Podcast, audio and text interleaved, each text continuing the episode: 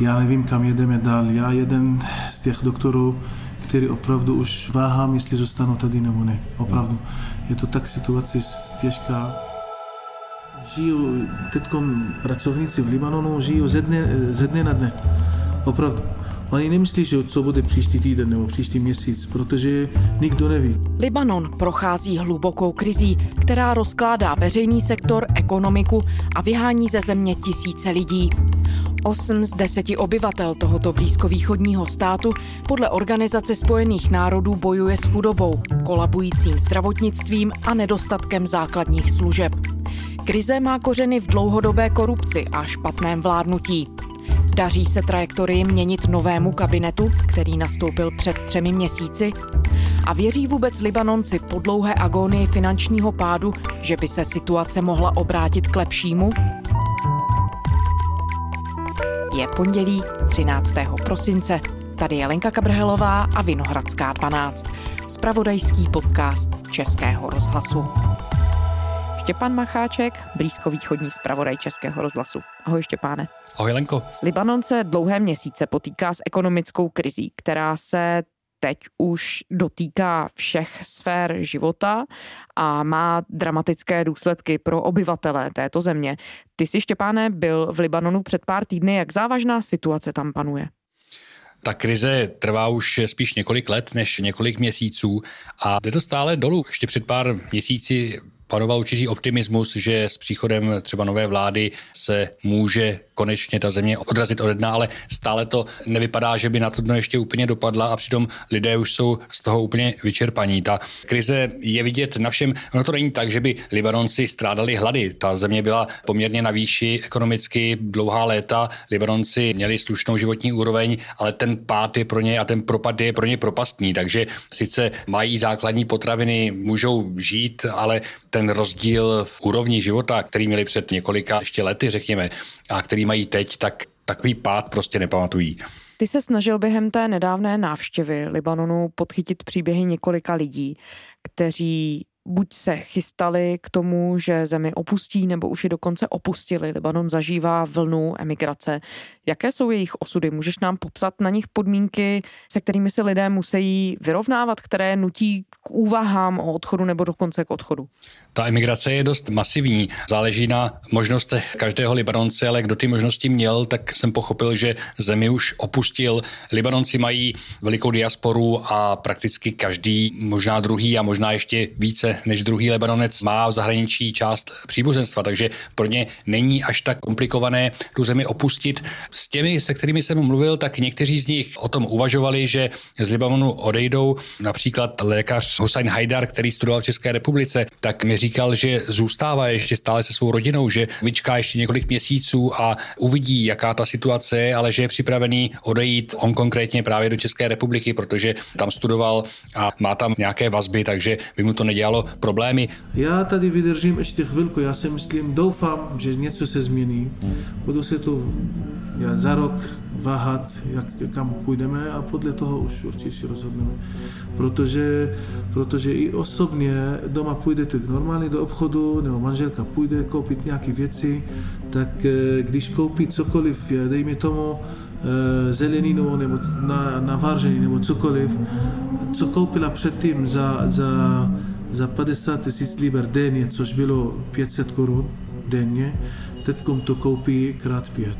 To znamená za 2,5 tisíci, což lidi na to nemají, opravdu. A lidi opravdu žijou ze dne na dne.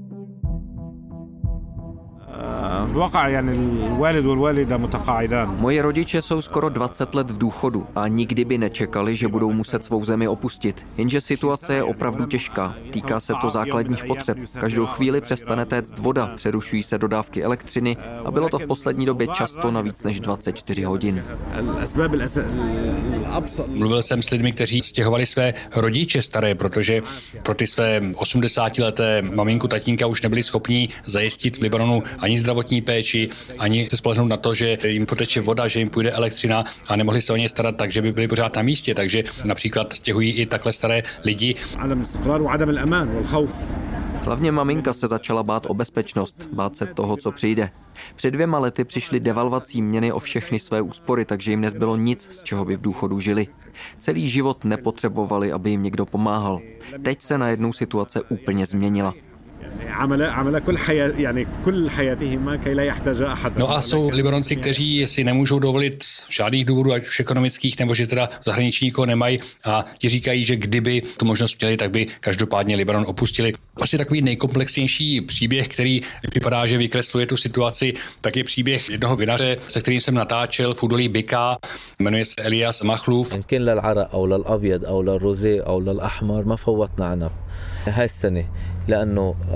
Jeho rodina utekla před občanskou válkou v 70. letech z Libanonu do Ekvádoru. To není úplně výjimečné, že Libanonci utíkali do Jižní Ameriky a po konci občanské války, tedy počátkem 90. let, se zase vrátili do Libanonu s tím, že tedy doufali, že se země konečně z té války vymaní a že půjde ekonomicky nahoru. Elias využil toho, že měli rodinné pozemky v údolí Bika, založil tam vinařství, takové poměrně specifické, že se soustředil na výrobu přírodních vín a také na šlechtění starých libanonských odrůd, takže dost vynikal mezi ostatními libanonskými vinaři. A celkem se mu ten projekt a ten obchod dařil a teď v tom posledním roce, když jsem tedy byl u něho teď na návštěvě, tak říkal, že se mu to také všechno sesypalo jak domeček z karet.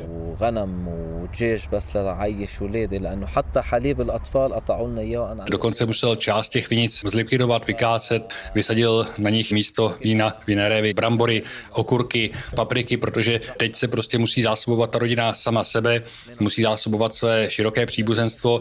On má samozřejmě tu výhodu, že má možnost si ty věci vypěstovat.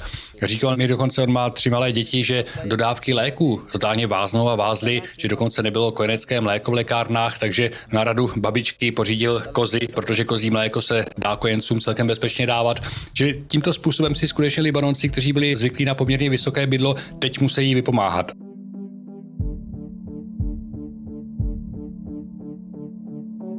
Dalším takovým aspektem třeba jsou školy, protože Libanonci byli zvyklí dávat své děti do soukromých škol, placených škol.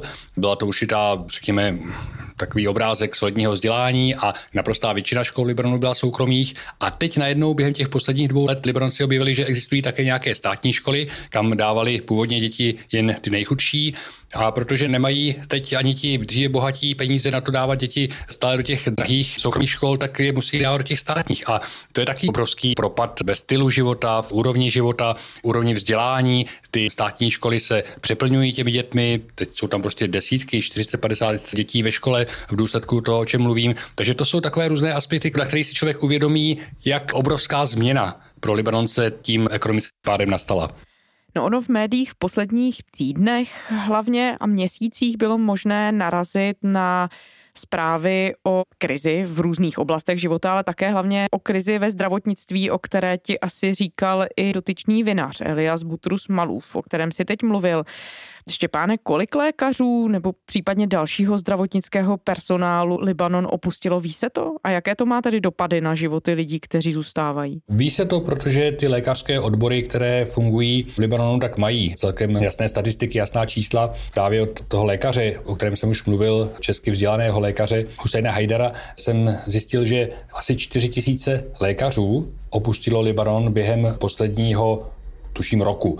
A je to polovina všech lékařů, kteří jsou v těch odborech združení. Čili je to obrovské číslo a je to obrovský zásah do zdravotnického systému. Hodně lidí jeli do Francie, což tam studovali. Eh, dost z nich také jeli do Ameriky, někteří do Ruska. Tady v našem okolí je hodně lidí, co studovali tam také. Někteří do Polska, do Prahy, ještě také do Německa dost, do Německa hodně jeli tam. Já si myslím, že lékař, když je šikovný, všude je platný. A když má hodně rád své práce, tak on to, on to dělá rád kdekoliv. Je to pochopitelné, že právě lékaři třeba odcházejí, protože prakticky všichni z nich získali vzdělání v zahraničí. Tam, kde studovali, tak mají nějaké vazby, mají tedy kam jít a lékaři najdou práci prakticky kdekoliv. Takže u nich je to celkem snadná cesta, jak Libanon opustit a jak tedy pracovat někde jinde. Konkrétně právě Hussein Haidar mi říkal, že on sám má teď zhruba poloviční nebo méně než poloviční plat oproti té době před krizí, ale dělá dvojnásobek práce, čili zhruba o tolik si pohoršil v těch posledních měsících.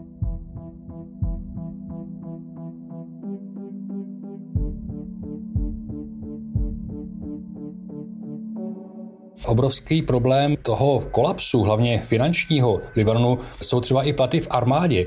A libanonská armáda je takovým jediným garantem toho, že země znovu nepropadne v nějaký chaos sektářský. Libanonské armádě všichni Libanonci docela věří a je to snad jediná státní instituce v zemi, která skutečně funguje. Ale vojáci libanonské armády z průměrného platu zhruba 20 tisíc korun před krizí teď dostávají asi 2 tisíce korun, čili armáda ani nemá peníze, aby ty vojáky zaplatila.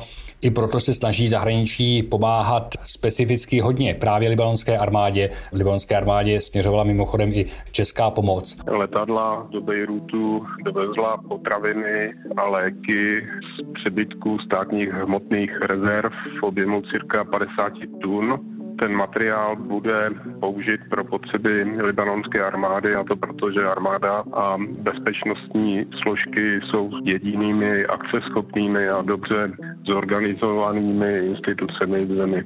A armáda si teď vymýšlí různé akce, jak si přivydělat, takže například v údolí Byka provozuje vyhlídkové lety vojenskými vrtulníky. Takže když přijdete a zaplatíte cash 150 dolarů, tak si můžete na čtvrt hodinky proletět nad údolím Byka. Je to zoufalé, ale zrovna ta armáda je naprosto klíčová pro to, aby Libanon přečkal tuhle krizi a jak je vidět, taky ta armáda je strašně moc zasažená tím finančním kolapsem. But now the armed forces are trying to make some cash. 150 US dollars gets you 15 minutes up here to see Lebanon from above. Z toho všeho tedy ale vyplývá, že skutečně i když si říkal, že lidé možná v tuhle chvíli neúplně stojí před prázdnými regály někde v obchodech, pocitují velmi dramatické dopady té krize v běžném životě. Rozhodně, rozhodně pocitují a navíc libanonská společnost je hodně rozvrstvená, to znamená v některých oblastech a městech, částech měst bydlí chudí Libanonci, kteří to pocitují už i skoro tak, jak říkáš, to znamená, že bojují o přežití, aby měli co jíst každým dnem. Jiná část Libanonců sice nemá problémy s tím, aby přežila, ale jak už jsem uvedl, tak ta úroveň životní jim klesla obrovským způsobem. Je to vidět skutečně úplně na všech vrstvách libanonské společnosti, jak moc na ně ta krize dopadá. These are the scenes that we're seeing across the country every single day. Tempers are high, fuel is expensive, and there's a major shortage. But it's essential for those trying to make a basic living.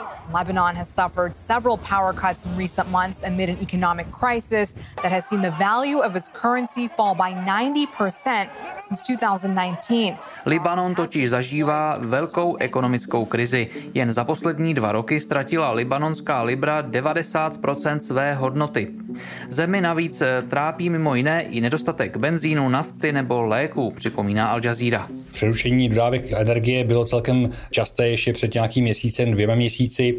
Bylo to hlavně proto, že v Libanonu jsou elektrárny na mazut a mazut Libanon dováží stejně jako další ropné produkty. Ostatně byla obrovská krize s dodávkami benzínu, takže se před benzínovými stanicemi tvořily dlouhé fronty, docházelo k šarvátkám, kervačkám, byly tam i mrtví, střelba a podobně.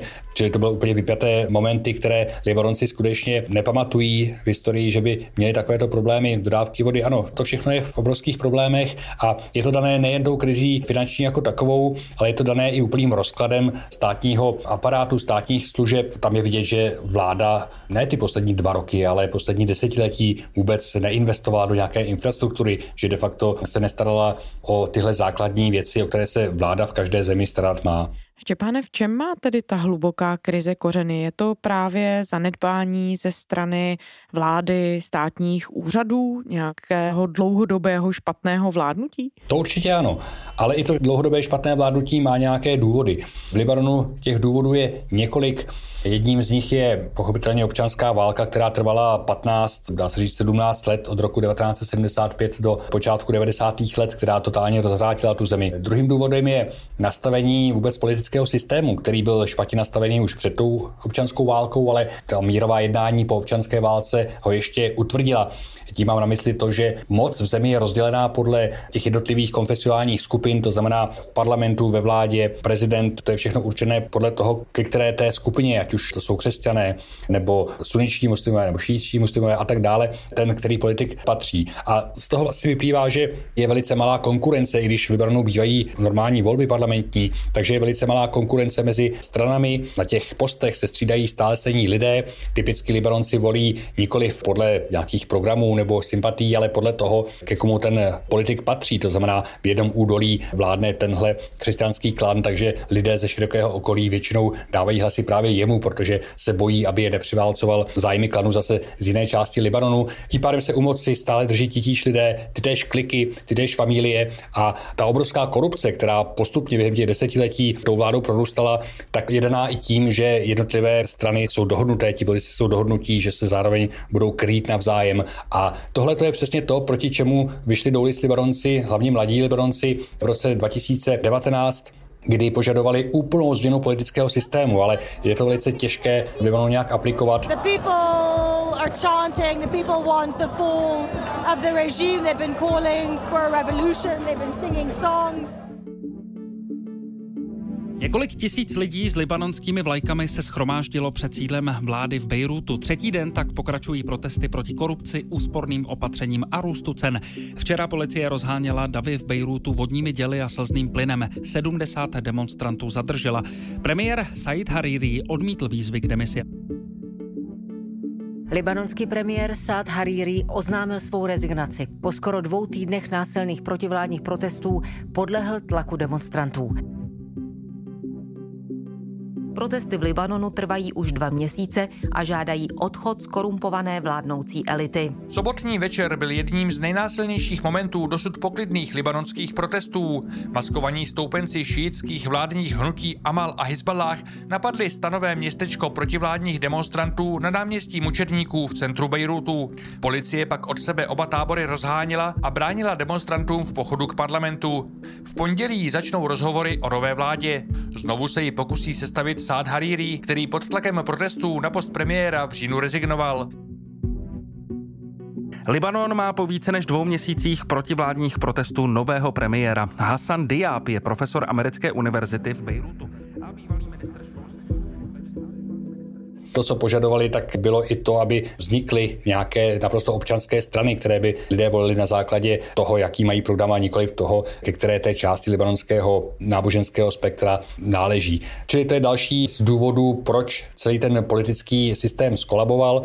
No a třetím důvodem je naprosto špatně nastavený bankovní systém, kdy banky v podstatě poskytovaly půjčky bez záruk a tak dále. Je to složitější, ale ten bankovní systém skolaboval a následkem toho ten finanční a ekonomický krach musel přijít naprosto zákonitě. Ona už Světová banka před několika měsíci uváděla, že Libanon se propadá do jedné z vůbec nejhorších globálních krizí a nabízí se asi otázka, proč ta situace musela zajít tak daleko, když ji po cestě vlastně i ty hráči z vnějšku mohli pozorovat? Bylo možné v tom směru něco udělat? Nebylo třeba možné Libanonu relativně rychle pomoci prostřednictvím nějakých půjček a tak dál?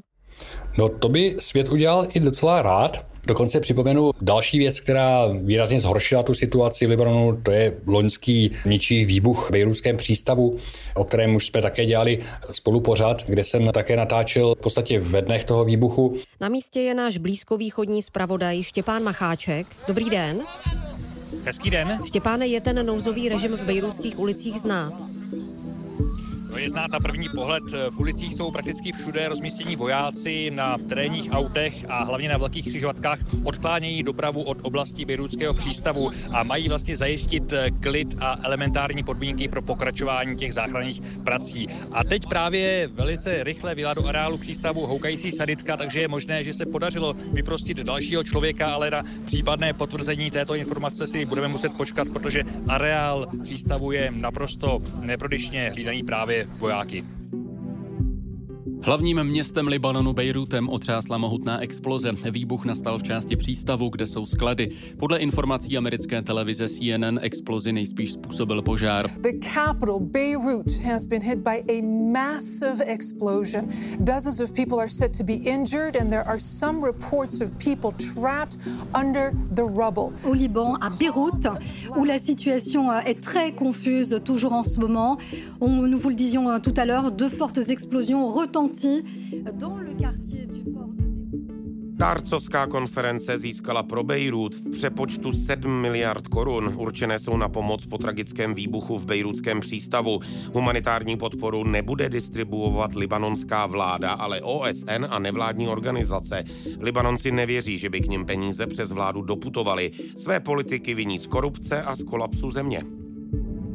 Po tom výbuchu dokonce navštívil Libanon několikrát francouzský prezident Emmanuel Macron, který se vyloženě snažil vnutit libanonské vládě nebo Libanonu nějakou pomoc. Tehdy to zašlo i tak daleko, že část Libanonců požadovala, aby se Libanon vrátil do područí Francie jako francouzská kolonie, protože prostě už úplně ztratili víru v ty své politiky. Ale nebylo komu tu pomoc poskytnout, protože v Libanonu se stále nedařilo sestavit vládu, vládu, která by nastartovala nějaké reformy. Ono v zahraničí si v podstatě podmínilo jakoukoliv půjčku nějakými reformami, protože bez reform by ty peníze ta půjčka zahučila zase do černé díry, to je pochopitelné. A v Libanonu se strašně dlouho nedařilo sestavit vládu, bylo to neustále hašteření. Ti, kteří chtěli pomoci, to znamená politici hlavně ze západních zemí, ale i arabských zemí, tak z toho byli znechucení, že viděli, že na straně těch libanonských politiků není vůbec žádná vůle tu situaci nějak řešit. Teď nedávno byl v Libanonu a tu už existovala ta nová vláda Najiba Mikátýho, která vznikla v září, tak byl v Libanonu na návštěvě zvláštní vyslanec OSN a ten říkal, že to snad není možné, že jednal s těmi libanonskými politiky s vládou a že mu přišlo, že ta vláda snad ani o žádné krizi neví, že si prostě není vědomá, že je to tak špatné, že je skutečně třeba začít dělat nějaké radikální opatření. A vzpomenu také ještě třeba chování bývalého ministra zahraničí Žibrána Basíla, který už v době té krize, bylo to v lednu 2020, přiletěl do švýcarského Davosu žádat o pomoc právě zahraničí a přiletěl tam soukromým tryskáčem. How did you get here? How did I get here? Did you take a private plane? I came simply on my own expenses. On your own expenses? Yes.